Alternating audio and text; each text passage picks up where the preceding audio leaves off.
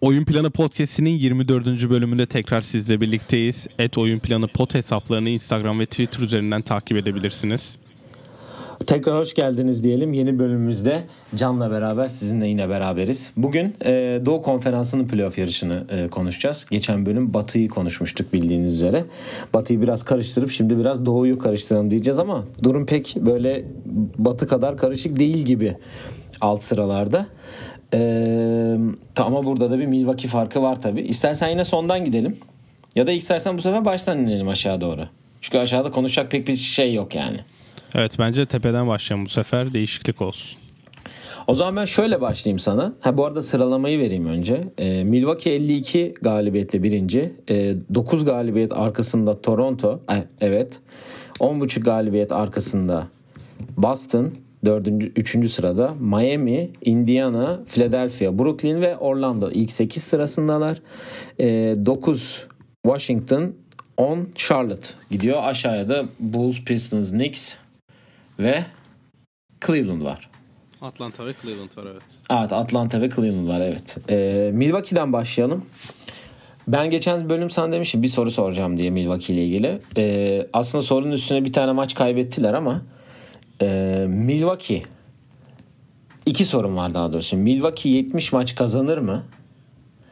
İlk sorum. İkincisi kaç maç kazanır? Yani ikinci sorum hani Milwaukee 60 ile 70 arasında sence kaçta bitirir? Ya 70 maç aslında çok gerçekçi gözüküyordu. Ee, Miami'ye kaybedene kadar ki o zaten senin de dediğin gibi o kaybettikleri maç Miami oldu. Bence zaten hani Milwaukee oyuncuları çok fazla süre almıyor. Özellikle starlar hani Yanis'le Chris Middleton ki Middleton yoktu son maç. Middleton olmayınca ikinci skorerde sıkıntı yaşadıklarını da gördük. Ve şu an 9 mağlubiyetleri var. 3 mağlubiyet hakları daha var 70 yapmak için. Bence 68 yani 68 69 67 tarzı bir yerde bitirirler gibi geliyor bana. Bir yerde hani dur, üçünden biri bir olur dur. diyorum. Çünkü hani sonlarda Milwaukee'nin ben herkes oynatacağını düşünmüyorum. Yani belki son 3-4 maç oynamaz ya da oyuncuları sırayla dinlendirirler gibime geliyor bana. O yüzden 70 içi zorlayacaklar. Çünkü e, Alexander Lestri onların takım sahibi olması lazım. E, kendi zaten her celebrity maçında da oynayan kişi görmüşsünüzdür illa. O biz bu sene 70 galibiyet almak istiyoruz diye bir açıklama yapmıştı. Ondan kasacaklar ki zaten hani çaktırmadan kasıyorlar. Ki ondan 9 mağlubiyetleri var bu sene ama yani 70 yaparlarsa da şaşırmamam bence yapmayacaklar. Ben şöyle diyeyim. E, 7'sinde Lakers'la Los Angeles'ta oynayacaklar ki bu asıl beklenen maçlardan biri bu bu sene. E, 10'unda Denver deplasmanındalar. 13'ünde içeride Boston. 17'sinde içeride Miami tekrar. Ki Miami bu sene onları iki kere yenen tek takım. Onu da söyleyeyim. Ee, sonra bu ay başka Houston'a Houston'la içeride oynayacaklar. Dallas'a gidecekler ay sonu. Asıl bence onların için en kritik olan hani bunu kesinleştireceğimiz bir e, Nisan başı fikstürü var Milwaukee'nin. Hazırsan okuyorum. Evet. 2 Nisan içeride Toronto. 4 Nisan deplasmanda Toronto. 5 Nisan içer e, deplasmanda Boston. 8 Nisan deplasmanda Philadelphia, 10 Nisan içeride Brooklyn. Ya bu yani fikstür biraz sert maç... ve ben acaba burada e, bazı koçlar yani rakip koçların hiçbir şey yapmayacağını da düşünüyorum ya. Çünkü mesela Nick Nurse burada Yanis'i nasıl tutacağına karşı bir ipucu vermez bence. Hani karşılıklı oynarlar. Spoiler olmaz yani. mı diyorsun? Spoiler olacağını zannetmiyorum. Miami onu yaptı geçen maç mesela. Gördük yani Miami ile eşleşirse Bucks'ı nasıl savunacaklarını gördük. Ve 16 ile kaybetti Milwaukee. Mesela 16 e, Mart'ta oynayacakları maçta ben Miami'nin aynı savunmayı yapmayacağını düşünüyorum. Ve zaten o maça... Kaybeder mi diyorsun? O maça Bucks daha e, konsantre gelir. Yani biz bu sene Miami'den iki mağlubiyet aldık. Konsantre, konsantrasyonuyla gelirler. Ama mesela saydığın dört maçın birini bence kesin kaybedeceklerdir diye düşünüyorum. Ya da mesaj anla mesaj vermek için de atıyorum hayvan gibi kasabilirler. Ama ben alt sıradaki takımların özellikle bu saydığım Toronto, Boston, Philadelphia'nın hiçbirinin burada özel bir şey yapacağını düşünmüyorum. Ama tabii zor maçlar. Yani çok zor bir fikstür. Nisan başı için zor ama sonuçta şu an ligin en iyi takımı Milwaukee açık ara yani. E tabii yani 4 52 mağlubiyet galibiyet. burada aslında saydığın fikstürde e, aynen yani 4 mağlubiyet var bu fikstürde. Alabilecek 4 mağlubiyet var hani 70'i yapmamak için ama işte kasarlarsa 70 yapabilirler. Ki dördünde kazanabilirler tekrardan yani. Aynen. Los Angeles'a dediğin gibi bence e, Los Angeles biraz daha ciddi oynayacaktır ki Milwaukee'deki maçı kaybetmişlerdi. Yanlış hatırlamıyorsam. Evet 111-104 kazanmıştı Bucks o maçı. Yani 34 Evet. sayı 11 rebound 7 asist yapmış o maç. Ee, Dün zaten LeBron hani Philadelphia'ya karşı bir ayrı bir mesaj verdi Anthony Davis'le birlikte ki AD çok iyiydi. Bu maçta da ben hem Cuma akşamı ESPN'de olacak olmasından dolayı farklı bir atmosfer bekliyorum. Yani e, Lakers'ın bir vites yükseltip oynayacağını düşünüyorsun. Evet. Ee, zaten şöyle bir şey var. Ee, bu akşam da Indiana ile oynuyorlar bu arada ki Indiana'da biliyorsun Doğu'nun orta sırasında ters takımlardan biri. Orada Evet. da Oladipo yokmuş bu akşam. Ben şöyle Milwaukee'nin kaybet yani az kaybettiği için 9 maçına bakayım şöyle bir istersen. Kaybettiği maçları ben sana söyleyeyim. Ee, Miami'ye kaybetti. ikinci maçı biliyorsun. Sezonun. Boston'ı deplasmanda kaybetmiş. Ee, Utah deplasmanında kaybetmiş. Ki Kasım ayında aldığı tek mağlubiyet. Ee, Aralık ayında Dallas, Philadelphia iki maç kaybetmiş. Ee, Ocak ayı San Antonio deplasmanını kaybetmiş. O da tek kaybettiği maç Ocak ayında. Şubat'ta Denver yine yani Denver'a kaybetmiş. İçeride Indiana'ya deplasmanda yenilmiş. Ve Miami'ye kaybetti. Christmas maçı Philadelphia'ya karşı Philadelphia'nın inanılmaz üçlük soktuğu maçtı. Bu kaybettiği maçlarda Denver maçı yanlış hatırlamıyorsam yine rakibin üçlük rekorunu kırdığı maç olması lazım. Yani Bucks'ın savunması size boş üçlükleri veriyor. Önemli olan sizin bunları isabete çevirmeniz. Ki yani Bucks ilk kez 100 sayı atamadı 22 bu sene. atmış. Aynen. İki maç üst üste 100 sayı atamadı Bucks bu sene. Charlotte kazandılar. Yani inanılmaz bir maç çıkardı. Ama Miami'ye atamadılar ve kaybettiler. Bu Charlotte 40 sayı 20 rebound yaptı.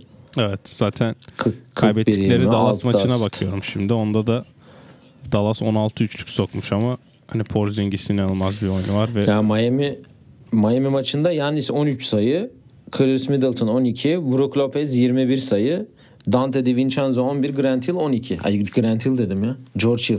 evet. Ben Middleton Miami'de sanki oynamadı diye hatırlıyorum. Acaba Charlotte maçında oynamadı o zaman Middleton. Miami'de Bam Adebayo 14 sayı 13 rebound, Jimmy Butler 18 sayı, Kendrick Chris Nunn diyecektim buna da. Kendrick Nunn 13. Kev- Kelly Olynyk buna da Kevin diyorduk 11 sayı. Jay Crowder 18, Dragic de 15 sayı atmış. Yani İnşallah program sonuna kadar daha iyi isim karıştırmam diye düşünüyorum. Ya işte rakipler özel önlem aldığında yani ise geçen sene playofflarda da gördük. Toronto inanılmaz iş yaptı. Yani Bucks şu an çok bir şey üretemiyor gibi gözüküyor. Evet inanılmaz basketbol oynuyorlar ama yani işte oyun yavaşladığında üçlükler girmeyince oyun biraz sıkışıyor Bucks adına. Bence playofflara özel bir sistemle çıkılacaktır diye düşünüyorum. İki sene aynı hatayı arka arkaya yapacağını düşünmüyorum ben.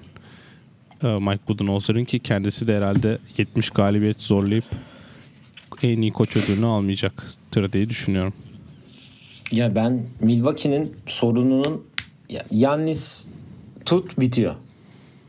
Ya öyle bir hava Hani var şu an ki öyle bu- bir hava var çünkü hani Chris Middleton böyle bir şey değil nasıl diyeyim.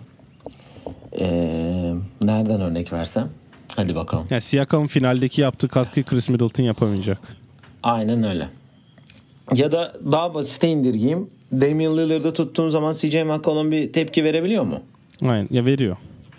Veriyor. Ya, aynen veriyor.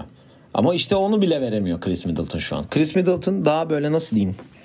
Statik. E, ver penetre et baba dışarıdan o şutu yolla. O şutör eksikliği tabii ki çok yetenekli bir oyuncu. All Star sonuç olarak. Ama hiçbir zaman bir takımda as o ya as dediğim böyle star şeyinde olamayacak bir oyuncu yani ve bu da zaten en büyük sorunu Milwaukee'nin. Çok iyi bench oyuncuları var. Sen Milwaukee'nin çok geniş de bir kadrosu var zaten. Sen de biliyorsun. Şu an kafaya oynayan takımları koy. Hepsini. Hepsi oynar. Evet. Ama Yannis herkes topu Yannis'e veriyor bakıyor.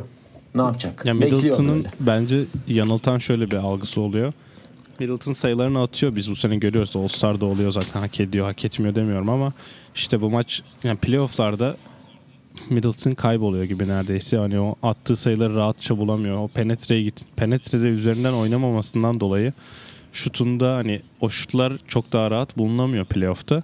O yüzden Sorumluluk almıyor. aynen öyle. Yani Yanis sahada yokken ki zaten Yanis playoff'larda 40 dakikayı buluyor yani. Şimdi sezonda oynamıyor ama playoff'larda 40 dakika oynamak zorunda kalacak. Birinin de şut sokması gerekecek. Ki Milwaukee'nin en büyük sorunu ve bizi yanıltan şey bence bu Brook Lopez'in spacing ile çok öne çıkmasıydı. Geçen sene hatırla. Brook Aha. Lopez çok iyi şutör tarzı şeyler döndü. Bu sene %29 üçlük atıyor Brook Lopez. E playoff'ta sen Brook Lopez'in adamı eğer boyalı alanda duracaksa çok daha rahat yardıma gelecekse içerisi sıkışacaktır. O yüzden Yanis'e de sıkıntı çıkacaktır diye düşünüyorum ki Milwaukee Miami maçında böyle oldu. Yani bilmiyorum.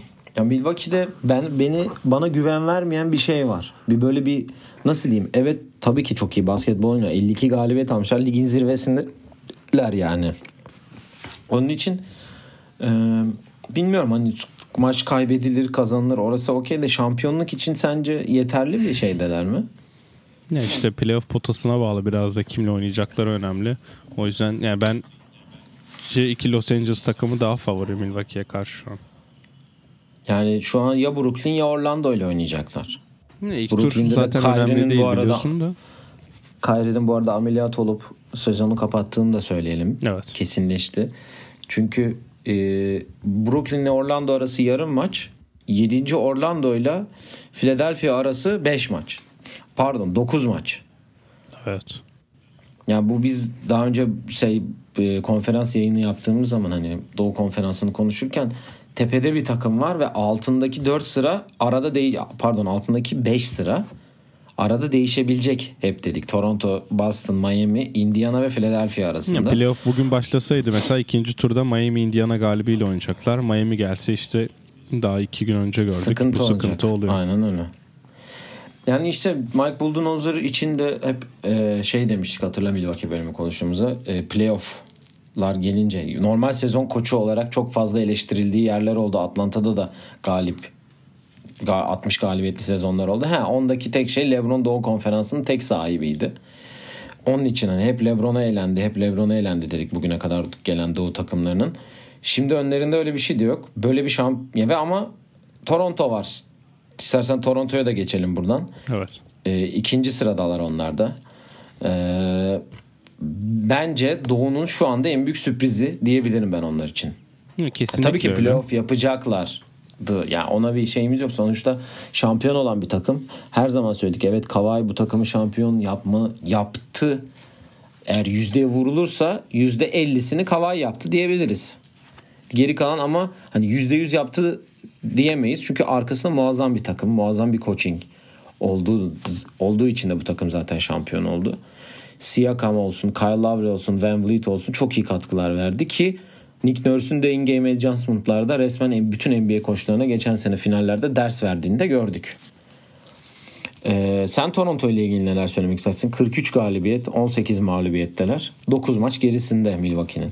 Yani e, ben Nick Nurse için senin dediğine katılıyorum. Yani Nick Nurse geçen sene maç içinde hiçbir şeyden korkmadan oyun sistemini değiştirmesi, savunmada değişik şeyler denemesi, Steph Curry'e box and yapması, tam sağ presleri, sıkıştırmalar hani rakibe karşı çok rahat oyunu değiştiren bir koç oldu ki bu hani NBA koçlarında çok görmediğimiz bir şey. Özellikle savunmada zon kullanımını inanılmaz ön- öne çıkardı yani playofflarda. Yani bu takım Kıvay'ı kaybetti evet. Ama işte her oyuncu yavaş yavaş daha fazla rol almaya başladı. Siakam geçen seneki Kawhi, OG Anunoby de geçen seneki Siakam rolünü üstlenmeye çalışıyor ama bu takım 43-18 ve çok büyük sakatlıklarla uğraştı. Marc Gasol hala oynayamıyor. Ibaka sakattı, Van Vliet sakattı. Dün oynadıkları maçta e, kadrolarında aktif oyunculardan yani dün maçta oynayabilen oyuncuların hiçbiri point guard ya da center değildi mesela. Ve buna rağmen Phoenix'e karşı bir galibiyet aldılar. Ve dün yani bakıyorum kadroya pivotları cidden yoktu. Ve Small ball'a mı döndüler onlar da? ya mesela Chris görüyor? iyi aldılar ki Chris Boucher daha önce de benim beğendiğim oyunculardan Oregon çıkışlı Golden State'le anlaşmıştı. İlk senesinde sanırım sakatlığı vardı. 19 sayı 15 rebound yaptı dün. Anunoby'nin mesela geçen 7 yıllık bir maçı var ki en çok gelişme gösteren oyuncu ya adaylardan biri kazanamaz ama bence büyük bir aday. Yani Siakam'ın da rolü arttı. Norman Powell Dün 26 sayı attı. Yani bu oyuncuların hepsi yavaş yavaş daha fazla rol almaya başladı ve ya mesela birinci maçta atıyorum Chris Boucher sahaya girmez. Norman Powell 3 sayı atar. Ama aynı serinin 7. maçında Chris Boucher ile Norman Powell ilk 5 başlayıp ikisi de 20'şer sayı atabilir. O yüzden bu kadro böyleyken ve verilecek katkı yani sahaya kime atsan bir katkı vereceğini düşünüyorsun. O yüzden Toronto çok tehlikeli bir takım ancak playoff'ta Ne yaptığı belli değil yani. aynen öyle. Mesela ama playoff'ta bence Gasol olmazsa ki sakatlığıyla ilgili çok bilgim yok benim ama Gasol olmazsa bence her seride bir sıkıntı olacak ki hani Brooklyn ile eşleşiyorlar şu an. Brooklyn'i geçtiler diyelim. Boston Philadelphia'nın galibine karşı çok büyük sıkıntı çekerler diye düşünüyorum. Boston Philadelphia da tam kanmış. Neyse oraya da geleceğiz zaten. Ya Toronto daha önceki bölümde Toronto bölümümüzde de zaten bahsetmiştik biliyorsun. Ee, ya geniş bir kadro ve hani sahaya kimi sürsen senin de dediğin gibi bir iş yapabiliyor ki Family dün de yoktu. Dün de oynamamış. Ya işte dün Ibaka ile Van Vliet yoktu. Gasol zaten yok. Hani bunlar şampiyon takımda 6 7 kişi oynuyorlardı onlar finallerde. 3'ü mesela. Ya bench'ten katkısı 20 sayı zaten bunun 19'u Chris Boucher'den gelmiş. Bir sayıda Terence Davis atmış. 9 kişi oynamışlar. Gene Norman Powell 20, 26, Kyle Lowry 28, Patrick McCaw 5, Anunoby 11, Siakam 33 atmış Phoenix'e karşı.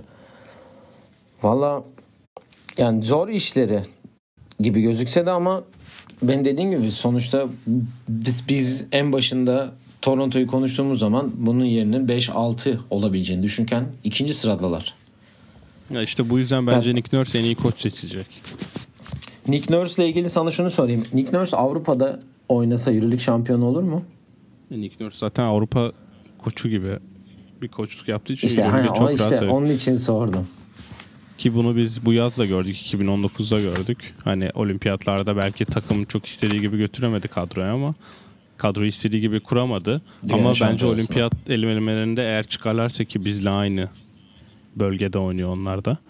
Bizim bölgemizden çıkarlarsa ben olimpiyatlarda iyi iş yapabileceklerini düşünüyorum ki yani Kanada kadrosu da eminim biraz İyi bir daha kadrosu güçlü var. gelecektir. Evet görelim bakalım diyelim. Boston'a geçelim. Senin memleket şu an. Evet. Ee, bir buçuk maç gerisinde Toronto'nun on buçuk maç Milwaukee'nin gerisinde. Yani Jason Tatum geçen ayın oyuncu seçildi de o da bu arada. Evladım geçen bölümde bahsetmiştik zaten. Ee, Jason Tatum ve Jalen Brown'u Boston'dan çıkarsan 8'in dışında görürüz herhalde gibi duruyor. Ya Kemba ile Gordon Hayward herhalde 8'den yani Orlando o kadar kötü ki öyle bir şey olacağını zannetmiyorum ama Ya 8'den zorlar mı diyorsun? Yani evet çünkü mesela Gordon Hayward dün yine sakatlandı bu arada. Kemba Walker dün dakika sınırındaydı. Ve yani onlar olmayınca dün sahadaki 5 maç uzatmada Brooklyn Nets'e karşı ki Jason Tatum da yoktu. Marcus Smart Hikaris Levert'e de buradan e, selamlarımızı iletelim. E, 51 sayı attı dün. Evet Boston'a karşı. Ve hani dün sahada Wanamaker, Javante Smart, Romeo Langford, Daniel Tice, Ojele'ye falan oynuyordu ki hani bu oyuncuların playoff'ta süre almayacağına eminim. Gordon Hayward'ın da sakatlığının nasıl kadar ciddi olduğu belli değil. Hani playoff'ta Tyson kesin oynayacağını düşünüyorum ben. Çünkü Houston maçında da gördük. Tyson vazgeçilmiyor hiçbir türlü. Hani Tyce, Tatum, Brown, Kemba Walker kesin o 5. oyuncu Marcus Smart olacaktır bence. Ve ama Gordon Hayward kadar e, para kazanan birinin de NBA'de bench'te kalması biraz şaşırtıcı olacak. Yani Gordon Hayward istenileni veremedi. Çok talihsiz sakatlıklar yaşadı. Bu sene All-Star gibi oynuyorken eli kırıldı. Ve hani ya ben Boston'ın playoff'ta çok ne kadar uzağa gideceğini şu an kestiremiyorum. Hani Tatum bir numaralı opsiyon olursa ve Kemba Walker da iki numaraya okeyse ki bence öyle olması lazım. Çünkü Kemba Walker'ın bir numaralı opsiyon olduğu maçı izledik. Ee, Los Angeles Clippers'a karşı Los Angeles'ta oynanan maçta maçın son sahnesinde beraber yapmak için Kemba'yı bloklamışlardı köşede. Hani orada Kemba top potaya atamadığı için sonlarda top potaya atacak kişi bulunamadı. Ki Tatum hani kendi sorumluluk aldığı zaman orada Paul George'un üzerinden bir üçlüğü vardı yanlış hatırlamıyorsam. Ki hani Tatum Kemba yokken gösterdi bize ne yapabileceğini.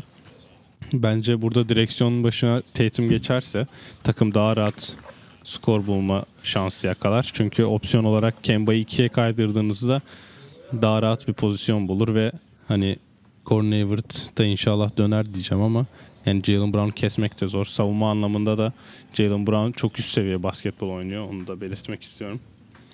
O yüzden hani bu takım nasıl bir rotasyon yapacak playoff'ta ben merak ediyorum. Brad Stevens bir e, mimar olduğu için kendisi. Bakalım nasıl bir hamlede bulunacak. Dün akşam da bu arada Brooklyn'den dördüncü periyotta 51 sayı yemişler. Evet. Yani inanılmaz bir şey. Bir periyotta 51 sayı yiyip uzatmada yani toplam uzatma ve son periyot skoru 62'ye 36. 11-2 son uzatma son, sonucu ve hani tabii ki Karis Levert'in inanılmaz bir performans. Yani 51 sayı atmış. Joe Harris 10. E, Luvavu Cabarro 16 atmış. Başka çift tane atan yok. Bundan sonraki en skorer ikili kim biliyor musun? Kim? İkisinden sonra. Pardon Dinwiddie de 14 atmış. Özür dilerim. E, Jared Allen ve Chris Chioza 8'er sayı atmışlar. Chris Chioza maçın bu arada sonunda oynadı. Netse şöyle bir şey oldu onu da belirteyim. 3'te 2 üçlük atmış 50 hatta. 50 sayı atan 5 Hı hı. bütün maçı bitirdi. Playoff'u ay playoff diyorum. Ee, Uzatmayı da o 5 oynadı. Yani Spencer Dinwiddie, Jared Allen, Joe Harris hepsi maçı bench'te tamamladı. Üstüne play- e, uzatmada da oyuna girmediler. O yüzden hani koç şöyle bir şey yaptı. Hani bu maçı buraya siz getirdin, getirdiniz. Siz bitirin. Yaptı ve maçı da kazandılar ki uzatmada her top zaten Karis Lavert attı. Sağda Kioza Lavert vardı. Ee, mesela Torian Prince de yoktu sahada. Canan Musa sahadaydı. Yanlış hatırlamıyorsam. Ve Nicholas Claxton vardı. Ve Timothy Yani- yani... vardı. Hani buna karşı Boston belli ki hani yedek oyuncularıyla bir şey yapamadı ki 50 sayı yemek de inanılmaz bir rakam ama hani Boston playofflarda biraz daha sıkışınca ya ben ilk turda Philadelphia eşleşmesi olursa ki yani çok zor bir eşleşme olacağını düşünüyorum. Yani nasıl Ki bir şey yapacaklarını merak sağlıklı ediyorum. gelirse tabii bu arada. Evet, ya mesela Öyle sana onu var. sorayım ben. Philadelphia'nın tam sağlıklı geldiğini düşünüyorum. Bu iki takım tamamen sağlıklı geldiğini düşünürsek ve hani Philadelphia biliyorsun içeride maç kaybetmeyen bir takım. Şimdi söyleyeyim onu. 28 galibiyet 2 mağlubiyetler içeride ama 6. sıradan girecekler. Sence o seri ne olur? Deplasmanda 9 maç mı kazanmış sadece? Evet. 9'a 23 deplasman. 7 maç diyorum ben o seri için. Ortada yani 50-50 ben. Yani çünkü Philadelphia benim hiç beğenmediğim, hiç sevmediğim bir takım. Sen de bunun sebeplerini zaten gayet iyi biliyorsun. Burada da çok bahsettik. Potansiyeli bu kadar fazla olup bu kadar bir şeyi beceremeyen ve bunu sadece bir senedir değil 2-3 senedir yapamayan bir takım. Hani da, sağ içinden çok sağ dışıyla uğraşıp Yok işte Joel Embiid'in maç öncesi burger yemesi. Yok seyircinin yuhalaması. Yok işte Ben Simmons'ın üçlük atıp üçlük sokamaması. Yok işte şey dışı ilişkileri. Bir türlü o dördüncü adamı işe sokamamaları. Tobias Harris kıçını yırtıyor yani çok affedersin. Oynaya bir şeyler verip bir şeyler şey yapabilmek için.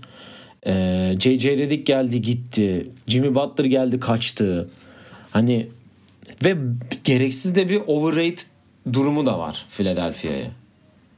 Ama sonuç ne oluyor? Bas, Boston'a eğleniyorlar. Ya da zor zor geçiyor yani onlar için playoff ve her seferinde eleştirilen taraftalar.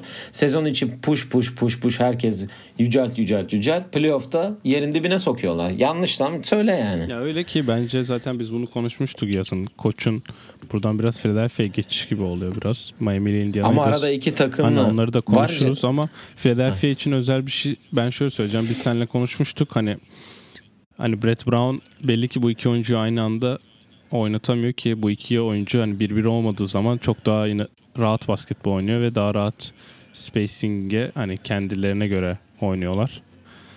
Yani bu artık olmadığını görüyoruz bu basketbol ile. Hani her sene 50 galibiyet alıp playoff'a kalıyorlar belki yani insanlar daha fazla bir şey bekliyor ama ya bence elenirlerse yine ilk tur ya da ikinci turda bir ko- koç değişikliği olacaktır diye düşünüyorum ben. Hani bu iki oyuncuyu ayırmadan önce acaba başka koç başka bir sistemle bu iki oyuncuyu birbirine uyum sağlatabilir mi diye bir değişiklik olacaktır diye düşünüyorum ki Horford'un da gelişi pek bir işe yaramadı. Ki diyene bunu diyene kadar Joel Embiid ayrılmasın. Tribünden yuhalanıyor abi adam kendi sahasında. Ya ben öyle bir şey olacağını zannetmiyorum. Öncelikle başka Ben bir değişiklik Simmons ki- olacaktır. Ben çok eleştirdim Ben Simmons'ı. şut atamayan adam nasıl 200 milyon dolar alıyor da bilmem ne diye. Bunu daha önce programlarda da söyledim hatta. Ama All Star zaman dedim ki hakikaten buraya da olmayı hak ediyor ve ona göre bir basketbol oynuyor. Gerçekten o hariç o takımda şu an ve tabii ki Tobias serisi ayrı bir yere koyuyorum. Çünkü her maç bir şeyler vermeye çalışıyor. Yani ben Tobias Harris çok beğendiğim tipte bir oyuncu. Resmen Robert Covington'ın e, Robert Covington 2.0 adam yani. Ama Robert Wills Covington'dan 3 kat daha fazla paralı. Tobias Harris o takımın açık ara en çok para kazanan adamı. Ben Simmons'la Joel Embiid'in max kontratı devreye girdiğinde bile Tobias Harris onlardan daha fazla para kazanıyor olacak. Yani ya ama sonuçta adam veriyor bir şeyler. Ya bence max Yani oyuncu kan- Embiid- katkısı vermiyor. Yani Al Horford dediğin olmadı. Bizim çocuk var zaten Furkan. O da bir şeyler vermeye çalışıyor. Sen bir de onların yanına Glenn Robinson, Alec Burks'ü getirdin oraya. Bir de üstüne Shake Milton atıyor o kadar sayıyı bir de şimdi. Glenn Robinson bu arada geçen çıkıp e, şey demiş yanlış bilmiyorsam. e, ha, ben buraya geldim ama benim rolümün ne olacağı bana söylenmedi. Ben umduğumdan farklı bir roldeyim. Ne olduğunu anlamadım tarzı bir şeyler demiş. E, Glenn Robinson zaten Philadelphia şeyde Golden State'te de sıkıyordu abi sabaha kadar. Hani- Alec Burks de aynı şekilde. Evet yani kaybeden takımdan yani işte her Kazanan takıma gidip daha kaybeden adam oldu resmen yani. bir de geçen bölümde söyledim. Yani biri mesela Golden State'tesin ki her maçı kaybedeceğin belli neredeyse. 100, o 100 sayı atılacak yani. O biri, birisi o 20 sayı atacak. Golden State'te ikisi yapıyordu bu işi. İşte Hı hı. buraya gelip rol bulamadılar ki ben çok şaşırmadım hani. Keskin bir şütör de almadılar. Yani ben playoff'ta Ya bu maç sıkışınca topu potaya kim atacak cidden merak ediyorum. Joel Embiid'in İşte- post-up'ına kalacağız. Al Horford dışarıdan bekleyecek mesela.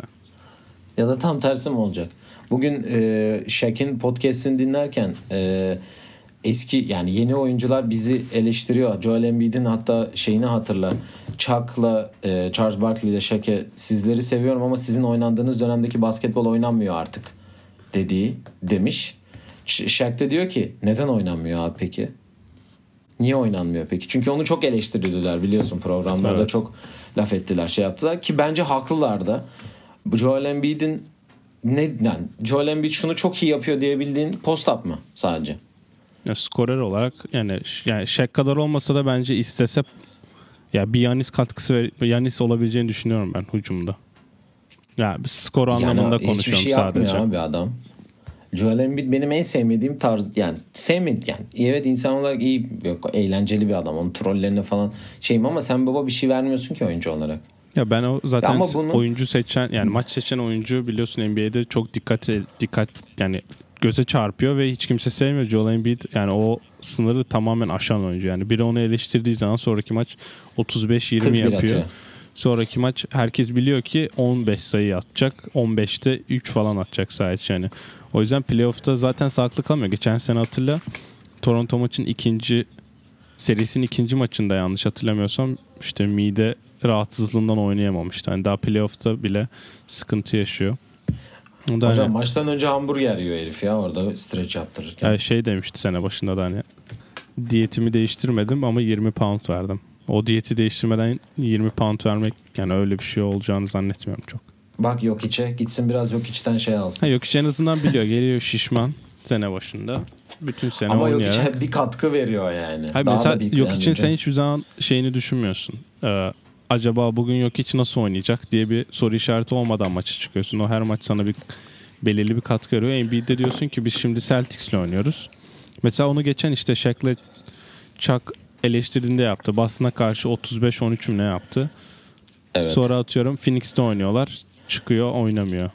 Ya da takılıyor öyle sahanın ortasında. Yani ba- bazen cidden ligin en iyi savunma oyuncusu. Bazen bırakıyor insanlar ligin en kötü oyuncusu. diye. Geçen seneki gözyaşlarını unutmadık. Daha çok öyle ağlar böyle devam ederse. Bu arada Joel Embiid'i de gömdüğümüz iyi oldu. Adam All-Star maçında sayı lazımken her topu ona verdiler sayı atsın diye. Sahada en iyi 10 NBA oyuncusu varken. Onu da dipnot Abi geçelim. dipnot ama yani bir şey vermiyor ki. Neyse Philadelphia'ya hak etmediği halde bu kadar süre verdik. E, hak eden takımlara gelelim. E, bence Toronto'dan sonra e, buralarda olmasına şaşırdığımız dem ya Miami çok değil de Indiana'nın burada olması gerçekten bir başarı olarak zaten daha önce de Indiana konuştuğumuz bölümlerde de söylemiştik. Oladipo'nun uzun süreli sakatlığı bir numaralı opsiyonun. Yanında Sabonis'i All-Star seviyesine çıkıp Philadelphia'yı şu ay Philadelphia demişim ya. Ne Philadelphia'ymış be kardeşim. Ee, Indiana'yı 5. yapıp Miami'yi de Jimmy Butler'ın hamlesiyle ve gençlerle beraber e, 4. sırada olmaları. Araları da 2 maç bu arada. Miami ile de e, Boston arası 2,5 maç. 4 Miami, 5 Indiana. Miami'den başlayalım.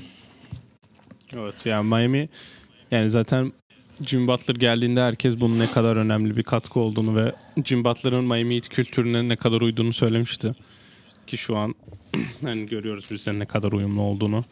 Kendi sahalarında 26 galibiyet 4 mağlubiyetler. Philadelphia'dan sonra ligin en iyi ikinci rekoru bu kendisi aslında. O hani ve dördüncü sıradan girmek çok önemli. Sonuçta Pacers'la oynayacaklar. Şu an başlasa diye konuşuyorum. Çok güzel seri olur bu arada. Bence Eğer aynen Oladipo'nun da tam sağlıklı olarak- olduğunu düşünürsen gerçekten çok e, güzel seri olur. Oladipo'nun da tam geldiğini düşünürsen. Ya basketbol olarak da ben çok iyi bir seri olabileceğini düşünüyorum. Çünkü Eric Spoelstra da e, Coach of the Year için son 3 adaydan biri olur. Nate McMillan da güzel basketbol oynatıyor. Ve yani Miami inanılmaz fazla zone yapıyor bir kere onu bir söyleyeyim.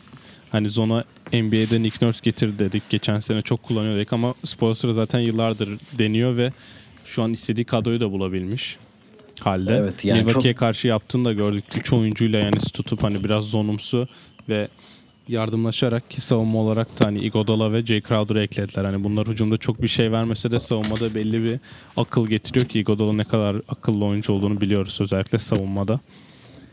O yüzden ben Miami'den yani umutluyum. Çünkü hani ilk turda belki onlar üçüncü olmak için kasacaktır ki hani aralarında senin dediğin gibi iki buçuk maç var. Hani Boston belki şimdi sakatlıklarla uğraşırken onlar üç yapmak isteyecektir. Çünkü hiç kimse ikinci turda Milwaukee ile eşleşmek istemez. Ya bence ikin, ilk turdan Philadelphia ile eşleşmeyi tercih eden insanlar. Çünkü yani Milwaukee ikinci tur neredeyse seni tabii. geçmeye yani açık ara favori. Ki Philadelphia Ya aynı. şöyle diyeyim. Şu dediğini şöyle destekleyebilirim. Şimdi Miami'nin e, fikstürüne bakıyorum. E, zor maçı ya e, şimdi Orlando ile oynuyorlar sırada. Onu çok zor geçeceğini zannetmiyorum. E, Milwaukee ile bir maçları daha var dedik. Indiana deplasmanına da gidecekler. E, Oklahoma Denver maçları var ki Denver'da çok dengesiz bu aralar. Hani onu zor maç olarak onu pek şey yapmıyorum ki ben Miami'nin de Denver'dan daha iyi bir takım olduğunu düşünüyorum açıkçası. Ee, Boston deplasmanı var. İçeride Boston var. Indiana ile oynayacaklar. Bir de ligin son maçı Toronto. Hadi o da artık yani son maçı diye çok fazla zor maç olarak saymıyorum açıkçası. Arada Detroit var, New York var, 3 2 tane, 2 tane Chicago var. Phoenix'e gidiyorlar, Charlotte'a gidiyorlar iki kere. Hani bence üçüncülük için büyük bir şansları var. Bir de Onu mesela söyleyeyim. Miami'ye gelen takımlar eğer back to back'in ikinci akşamı gelmiyorsa e, biraz dezavantajlılar. Yani Miami'nin gece hayatında göz önünde bulunduruyorum. Buradaki Doncic'i de gördük. Kaybedilen maçtan sonra 21. yaş gününü Miami sokaklarında kutlamış kendisi. Hadi ya. Evet. Onu ben görmedim he. Ha, 20, aynen 28 Şubat'ta oynanan maçta Doncic 21. yaşına giriyor ki burada yaş 21 zaten herkes biliyor. Ve maçtan sonra Miami'de bir tane gece kulübüne gitmişler. Bütün takım videolar Doncic kendisi bile koydu hani. O yüzden iç sahada belki bu yüzden hakikaten çok iyiler. Harden'ın da neden Miami'de oynayamadığının kanıtını da biliyoruz zaten. O Reddit şey vardır yani. Harden'ın strip, strip club'ların en çok olduğu yerde baş kötü performans sergilediği. Aynen burada sen, senin de okuduğun gibi 4 maçlık bir deplasman serileri var. Ama yani bence alt takımları zaten bu saatten sonra ben sürpriz mağlubiyet çok beklemiyorum. Özellikle mesela Miami bir sıra yükselse bütün rotası değişecek takımlardan biri olacağı için ben onlar sürprize izin vermez diye düşünüyorum ama ön, yani Indiana ile Boston'la Milwaukee ile oynayacaklar ki o maçta Spoelstra belki Milwaukee'ye karşı değil de diğer takımlara karşı özel bir şey yapabilir diye düşünüyorum. O yüzden Hiç bence kadroya da bir e, ben şapka çıkarmak istiyorum açıkçası. Yani gerçekten çok geniş bir kadroları var öyle diyeyim. Yani Tyler Hero şu an sakat. E, o oynamıyor. Dün herkes bir katkı verdi. Bam Adebayo, Jimmy Butler, Derrick Jones, Kendrick Nunn, Duncan Robinson. İlk 5 başlamışlar. Kelly Olynyk, e, Jay Crowder, Solomon Hill, e, Andre Iguodala, Goran Dragic bench'ten geliyor. Hani Jay Crowder ve Andre Iguodala'nın zaten hani zaten Andre Iguodala ayrı bir yerde. Playoff zamanı geldiğinde daha da tecrübe ama işte kadro çok genç. Jimmy Butler'ın liderliğinde ve Jay Crowder'ın da Jimmy Butler'la e, iki marketli diyebilir miyiz ikisine? Evet. E, e, birbirlerini gazlayıp şey yapmaları tabii ki Kendrick Nunn'a da Tyler Hero'ya da e, Duncan Robinson'a da Bam Adebayo'ya da çok büyük özgüven aşılıyor yani. Ben sevdiğim bir takım Miami. İnşallah üçüncü bitirir ve ilerlerler diyorum. Ee, senin Miami ile ilgili diyecek bir şey yoksa Indiana'ya geçebiliriz. Ya ben hemen küçük bir şey söyleyeceğim Miami ile ilgili. Geçen bölüm John Morant ve Zion Williamson üzerinden çok Rookie of the Year yarışını konuştuk. Ama ben e, Tyler Hero ve Kendrick Nunn'a da ayrı bir parantez açmak istiyorum. Yani hı hı. ikisi kombine olarak yani en iyi bulunacak iki rookie'den bir tanesi ki Kendrick Nunn'ı rookie saymak biraz hani bildiğimiz bir oyuncuydu. G League'de oynadı. Warriors'taydı haklar ama Warriors imzalamadığı için Miami ile anlaştık ki ona da daha önce değindik. Ama bu iki oyuncuyu bulup bu sisteme entegre etmek bence çok büyük iş oldu. Ve playoff'ta ben hani ikisinin sırıtacağını düşünmüyorum. Biliyorsun çaylakların kötü oynadığı playoff serileri oluyor ama işte Kelly Olynyk, Tyler Hero, Duncan Robinson, atıyorum Kendrick Nunn bu oyuncular sırıtmaz. Çünkü hani kadroda rotasyona kimi sokarsan sok ben bir katkı alabileceklerini düşünüyorum. O yüzden Miami'den bir sürpriz bekliyorum ama e, Milwaukee ile oynamalarını da görmek isterim. Sadece geçen maçta gördüğümüz savunmadan dolayı. Bakalım. Yani Miami inşallah dediğin 3. sıraya çıkar da biz de daha rahat bir e, yani onların içinde yol olur ki Miami'yi de izleriz diyelim. Indiana'ya geçelim. Indiana ile ilgili şöyle bir şey söyleyeceğim. Indiana zor bir fikstürü var geride. Çünkü şimdi Milwaukee deplasmanına gidiyorlar. Dallas deplasmanı var. E, içer, e, Boston'la oynayacaklar içeride. Philadelphia deplasmanı var. Houston'la oynayacaklar içeride.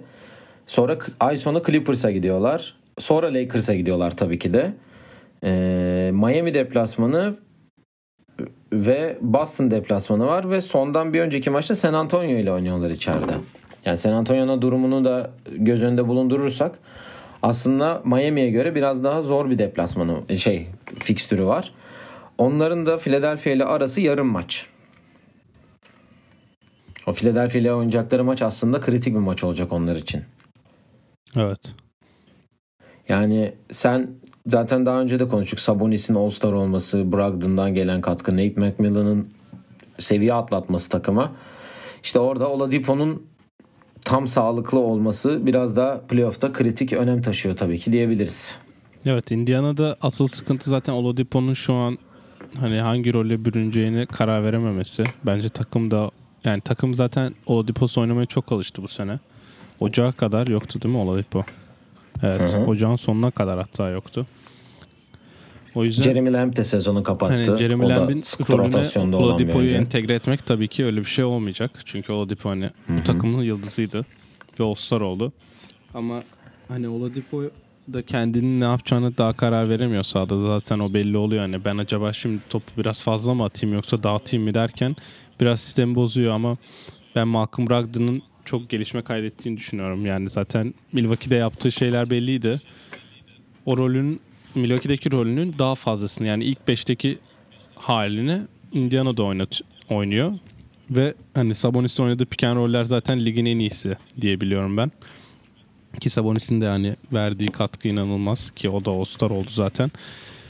Yani Miles Turner burada soru işaretiydi. Hani savunma olarak Miles Turner inanılmaz katkı yapıyor. Okey ama iki uzun nasıl oynanacak deniyordu ki o da dışarıdan şut atmaya başladı son zamanlarda. Hani zaten... Evet 3 tane üçlük denemiş. Ben son maç San Antonio maçına baktım da şu an. Ee, ya, hangi maç hatırlamıyorum şimdi hemen bakayım. Bir maçın sonunda son saniye, son saniye değil de, de tek pozisyonla öndeyken bir üçlükle maçı bitiriyor yani. Orada Sabonis'in asistiyle hatta. Hani bu ha, Portland maçı. Ve hani Sabonis zaten bu takımın lideri bence şu an. Oladipo yani onu rolü almaya çalışsa bile bence bu takım playoff'ta Sabonis'in üzerinden oynaması lazım. Şu an Miami ile eşleşiyorlar. Hani bu eşleşme biraz sıkıntılı olabilir çünkü Miami'de Adebayo gibi bir faktör var uzun savunmada. Yani birbirleriyle eşleşmesi demin de dedik. Çok güzel olur. Bizim için de güzel olur hatta. Ya basketbol Ben için aynen çok güzel olur. Yani, hakikaten. Çok dengeli iki takım çünkü. Ama 6'ya düşerse ben Miami Boston'a karşı tabii şaka Zor yapabileceklerini olur. düşünüyorum. Hani çünkü geçen sene de eşleşti bu takımlar. Indiana'da sadece Bogdanovic top potaya atabiliyordu. 4-0 bitmişti. Değil mi? Yanlış hatırlamıyorsam aynen. Yok ilk maçı 4-0 Kaybetti bitmişti. Yanlış hatırlamıyorsam. Orada sırf Bogdanovic top potaya atabiliyordu. Artık öyle bir takım yok. Ve Nate McMillan hani geçen seneki hatalarından da ders alacaktır bu konuda. O yüzden hani 6'ya ben- kaysalar bile ki ola olası bir şey ki Philadelphia'da 5-6 sakatlık iyi olur onlar için. 5-6 onlar için iyi. 7'ye kaymazlar çünkü yani aralarında 9 9,5 maç var Brooklyn'le. Onlar 5 ideal onlar için. 6 da 5-6 ideal dediğimiz gibi onlar için İlk playoff serisinde Yani- bence onlar hangi seride oynarsa oynasın 6 maçı izleriz diye düşünüyorum ben. Ya şöyle diyeyim ben son San Antonio maçına bakıyorum. İkinci periyot 40 sayı atmışlar. Ee, Sabonis 14 sayı 11 rebound 5 asist. Ee, TJ Warren 23 sayı. Miles Turner 17 sayı. Malcolm Brogdon 26 sayı 7 asist. Ee, Aaron Holiday 6 sayı. Bu ilk 5. De, bench'ten gelen Justin Holiday 11. Doug McDermott 14 sayı atmış. TJ McConnell da 3. Ee, Edmund Sumner da 2 sayı atmış. Yani sen zaten söylenebilecek her şeyi söyledin e, Indiana ile ilgili. Senin de zaten Nate McMillan'a daha önce de bahsetmiştik Malcolm Brogdon'dan da. Sabonis aşkını da biliyoruz zaten. Evlat olarak geçiyor. Ee, yani onlar için dediğim gibi ideal 5-6. Ee, inşallah Miami ile eşleşirler de biz de güzel bir seri izleriz. Denk denk takımları izlemek her zaman playoff'ta daha zevkli oluyor. 6 maç olsun, 7 maç olsun hatta. Ee, oluyor. Bu arada ben bu bilgi yayının başında verecektim ama unuttum şimdi aklıma geldi. Gördüğüm bir tweetten bugün Zach Krem her gün farklı bir istatistik paylaşan Twitter hesabı Ringer'da çalışıyor kendisi. 21 Aralık'tan beri Doğu playofflarındaki 8 takım hiç değişmemiş. 21 Aralık'tan beri. Evet 21 Aralık'tan beri bu 8 takım playoff potasının içinde. Yani şöyle diyeyim. e, Orlando Milwaukee'nin 25 maç gerisinde 9. Wizards da 29,5 maç gerisinde yani. Arada da 4,5 maç fark var. Ya burada zaten e, Wizards anca zorlayabilirdi. Onlar da All-Star'dan dönüşte çok kötü başlayarak o haklarını kaybettiler. Şimdi e, Brooklyn'e gelelim. Philadelphia ile ilgili söyleyeceğim bir şey var mı Yok, yoksa yeteri kadar yerin konuştuk. dibinde mi zaten? Ha, peki o zaman. E, Brooklyn'de şöyle diyelim zaten hani sezon başı iki tane süperstar eklediler kadrolarına. İkisi de sezonu kapattı. Zaten Durant'in geçen seneden sakatlığı vardı. Kyrie de oynadı ama o da sonra sakatlandı. İkisi de sezonu kapattı.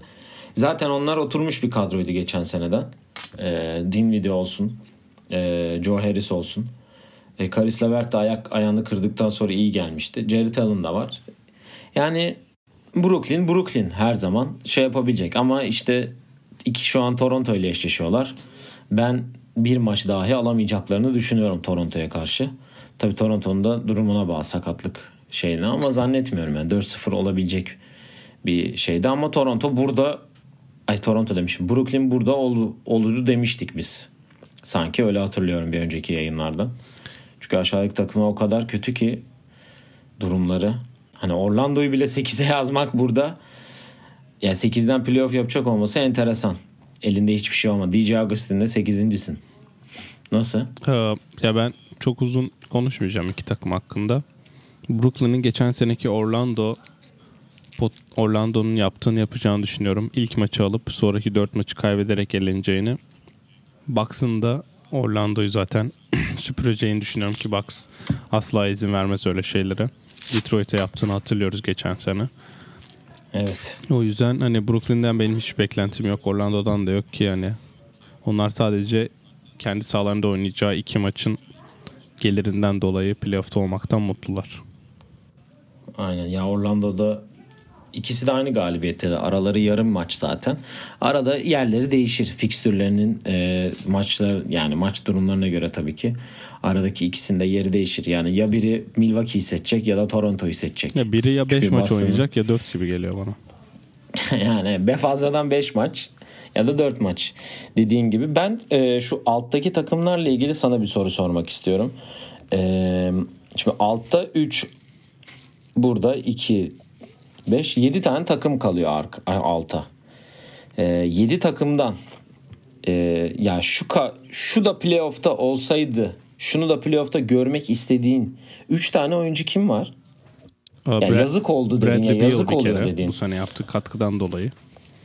İşte ben zaten e, bu onu referans alarak çünkü geçen gün e, bir post gördüm Instagram'da olması lazım.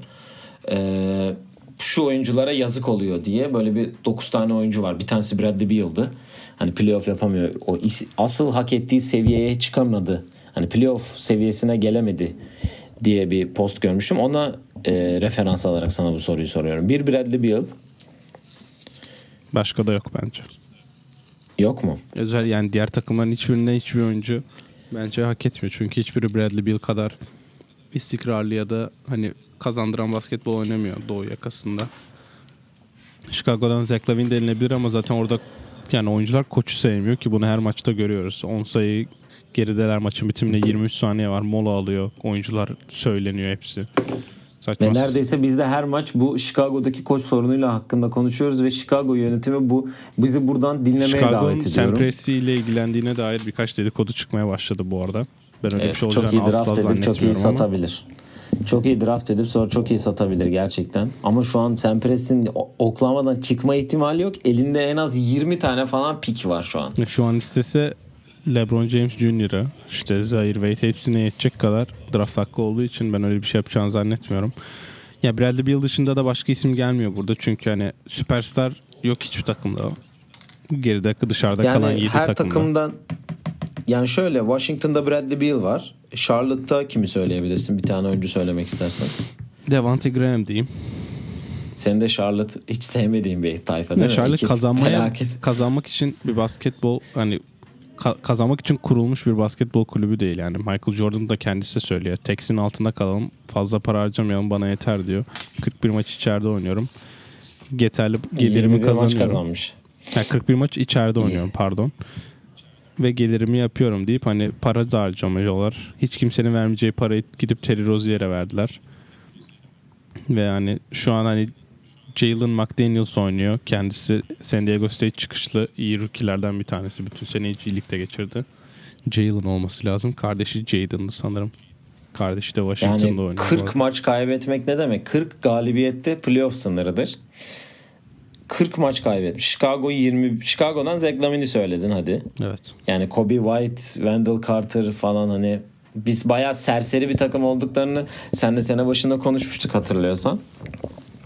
Nasıl bir Satoranski falan da orada çünkü. Evet onlar aslında biraz yüksek umutlarla başladı. Hani kadro oluyor Markanen dendi kayıp ama zaten. artık 2000, Markanen de kayıp. 2020'de Teddy Young'dan katkı bekliyoruz. Ondan. Atanamamış şey o da Elton Brand. Elton Brand atanamamış Andre Iguodala direkt o.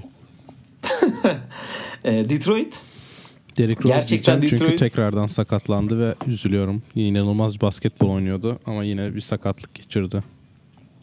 Yani Derry, zaten şu Orla- e, Detroit'in olaylarından sonra nasıl bir kadroya kaldıkları inanılmaz yani.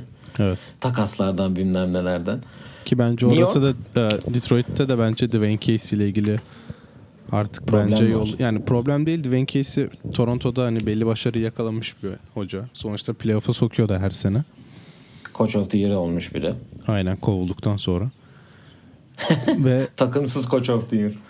Ee, ben o yüzden hani tamam biz çok kaybediyoruz ve hani biz başka birini bulalım artık daha potansiyelli birini bulalım hani kaybetmeye okey birini bulalım diyebilirler diye düşünüyorum. Ee, Detroit'i geçtik. New York. Spike Lee falan. yani Spike Lee zaten yani New York'u boş geçiyorum. ya RJ Barrett'a ben beğenirdim, severdim. Ona bile yazık olmadığını düşünüyorum artık. Ben de çünkü geçen bir açıklama yapmış. Ee, ben sağlam hayatımda her şeyi çok iyi sağ elle yapıyorum. Yazıyı niye yazıyorum. Her şeyi sağ elle yapıyorum ama sol el şut stilim daha rahat geliyor bana deyip sol elle şut attığını açıkladı. LeBron da hayatı boyunca solak. Her şeyi sol sol elle imza atıyor. Russell Westbrook da öyle. Ama bu daha farklı bir olay. R.J. Barrett'inki daha rahatım diyor. Hani ben sol solak basketbolcu oldum demiyor. Hani direkt sadece sol yani solla şut atmak bana daha rahat geliyor diyor. Tamam çekilebilirsin. Atlanta, Atlanta'da Trae Young. yok hiç hiç kimse çünkü Trae Young'da geçen bir istatistik Abi paylaşıldı. burası futbol mu? Çok affet. Ha, gördüm bana yollamışsın. Evet, Şimdi hani onu söylesen. orta sahanın oradan- attığı üçlüklerin e, kaçan üçlüklerin devamında takımlar yüzde 135 offensive ratingle oynuyormuş. Yani attığı Ve şak bir fırlatıyor atıyor. Ka- kaçırdığı üçlüklerin çoğu arkada boş turnike oluyor ya da kendisi savunma yapmıyor, backdoor veriyor ki örneklerde bunlar vardı. Ya ben oyuncuların da artık biz zaten topa değmeyeceğiz. Bu adam 35 sayı on asist yapacak deyip biraz da saldığını düşünüyorum ki Capela 2 hafta daha oynamayacakmış. Bunun haberi çıktı bugün. Hadi ya. Aynen. O yüzden yani Atlanta'nın önünde biraz uzun süre var. Ama ne kadar bilmiyorum hani. Bir iki sene Sabır. ya sabır da Ne kadar iki sabredilecek sene sonra playoff'a girerler mi? Ben kesin diyemiyorum şu an. Ya şöyle diyeyim bende de orada tam Trae çok yetenekli de hocam futbol değil burası. Herkese bacak arası atmaya çalışırsan geçen maç Trevor Ariza yerleştirdi dirseği. Gördün sen de yani. Evet. Jamal Crawford da tweet atmış. Jamal Crawford'dı galiba. Gerçek veteranlar böyle yapar diye. Trae Young da ben Yani. yıllardır bu hareketi yapıyorum. Yapmaya da devam edeceğim demiş. E, devam et. Di, şeyi yesin. E, dir, dirseği dudağının üstüne bir dahakine. E 27 galibiyetin playoff yaptığı bir potada takımın 19 galibiyet alıp sondan birinci olması inanılmaz bir olay. Yani yetenek olarak baktığında Atlanta'nın yetenek havuzu belki diğer takımların yani çok çok daha iyi. Orlando'dan iyi mi peki? Yani Orlando ile Yani yakın ben- ama işte oynatılan basketbol çok fark ettiriyor. E işte şu an Atlanta'da bir Trae Young e, furyası var. Onun şeyleri yeniyor. 2-3 sene geçsin. Trae Young'ın böyle 4. senesinde falan. Trae Young 4. senede de playoff oynayamayınca kendisi rahatsız olmaya başlayacak zaten bazı şeylerden. İnşallah öyle olur. Koçla araları şey olacak bilmiyorum. Bu klasik her seferinde olan bir şey yani bu. E, son takım Cleveland. Ya Cleveland bence yönetim olarak bir karar vermesi lazım. Ondan Tristan Thompson oynamıyor. Hiç kimse Uzuna gerek yok diye oynamıyor herhalde. Ya işte öyle aralarında oynamıyorlar. Ya nasıl bir karar verdiklerini bilmiyorum o konu hakkında ama yani Cleveland bir oyuncuyu kaybedip hiç playoff yapamadılar. Hani LeBron katkısını da buradan görmüş oluyoruz. O yüzden Aynen. Neyse. Ya doğuda e, şimdilik resim böyle. Tabii ilerleyen bölümlerde daha da her şey kesinleşince ama NBA'in şu an tek playoff yapmayı garantilemiş takımı Milwaukee. Yakında zaten e, doğu, doğu- batıda da başlar bu büyük ihtimal yavaş yavaş. E, Doğu ile ilgili eklemek isteyeceğin herhangi bir şey var mı ben senin? geçen Doğu bölümü kapatırken LeBron'un MVP olmasıyla ilgili kısa bir güzel bir rant yapmıştın. Şimdi aynısını Yanis için yapacağım. evet. Ee, Yanis'in takımı ligine çıkar en iyi takımı. Yani şu an 4 ikinci takım arasında 4 mağlubiyet fark var. Yanis açık ara ligin en iyi oyuncusu şu an ki bence bu soru işareti bile değil. Ee, kendisi yanlış hatırlamıyorsam hemen şu an istatistiklerini de açıyorum bu arada. 30 Double double ortalamayla mı? double double ortalamayla oynuyor kendisi. Ve hı. yani zaten ya, gelişmeyi görüyoruz. Her sene daha iyi basketbol oynuyor ki istatistikleri her sene daha fazla artıyor. Şu an aynen önünde de açık. 31 dakika ortalama ile oynuyor yani. 29 Aha. sayı, 11 13 rebound, hatta 14 rebound, 6 asist ortalama. Ligin en iyi oyuncusu. 36 dakikaya vurulduğunda bu 35 sayı oluyor ki bazı oyuncular 36 dakika ortalama ile oynuyor ligde. Evet. Yani isim vermek istemiyorum burada ama. Tamam devam edebiliriz. Sen konuyu bağlarsan artık. Yani bu LeBron hak, hak etti de alamadı, hak etti de alamadı narratifini artık bırakılmasını istiyorum. Ve ligin en iyi oyuncusunun MVP olmasını istiyorum. O yüzden yani MVP olsun. Peki geçen bölüm e, LeBron savunuculuğu yapıp bu bölüm nasıl yani savunuculuğu yapabildi? İşte iki tarafa da oynadım ki hani hak, et, hak eden kazansın diye. bu iki tarafa da oynamış hala ama son söz yani istiyorsun. Ya zaten yani bütün sene götürdü artık almaz sayıp. İlk kez bu ay en iyi oyuncu seçilmedi Doğu'da. Ben de bugün 2K'de en iyi ayın oyuncusu seçildim biliyor musun? Ha o zaman seni alkışlayarak bu bölümün sonuna gelmiş oluyoruz. evet. Çok iyi. Teşekkür teşekkür ediyorum. Ee, et oyun planı pod Twitter ve Instagram adreslerinden bizleri takip edebilirsiniz. Sorularınızı yollayabilirsiniz. Ee, bir dahaki yayında görüşmek üzere diyelim. Hoşçakalın. Hoşçakalın.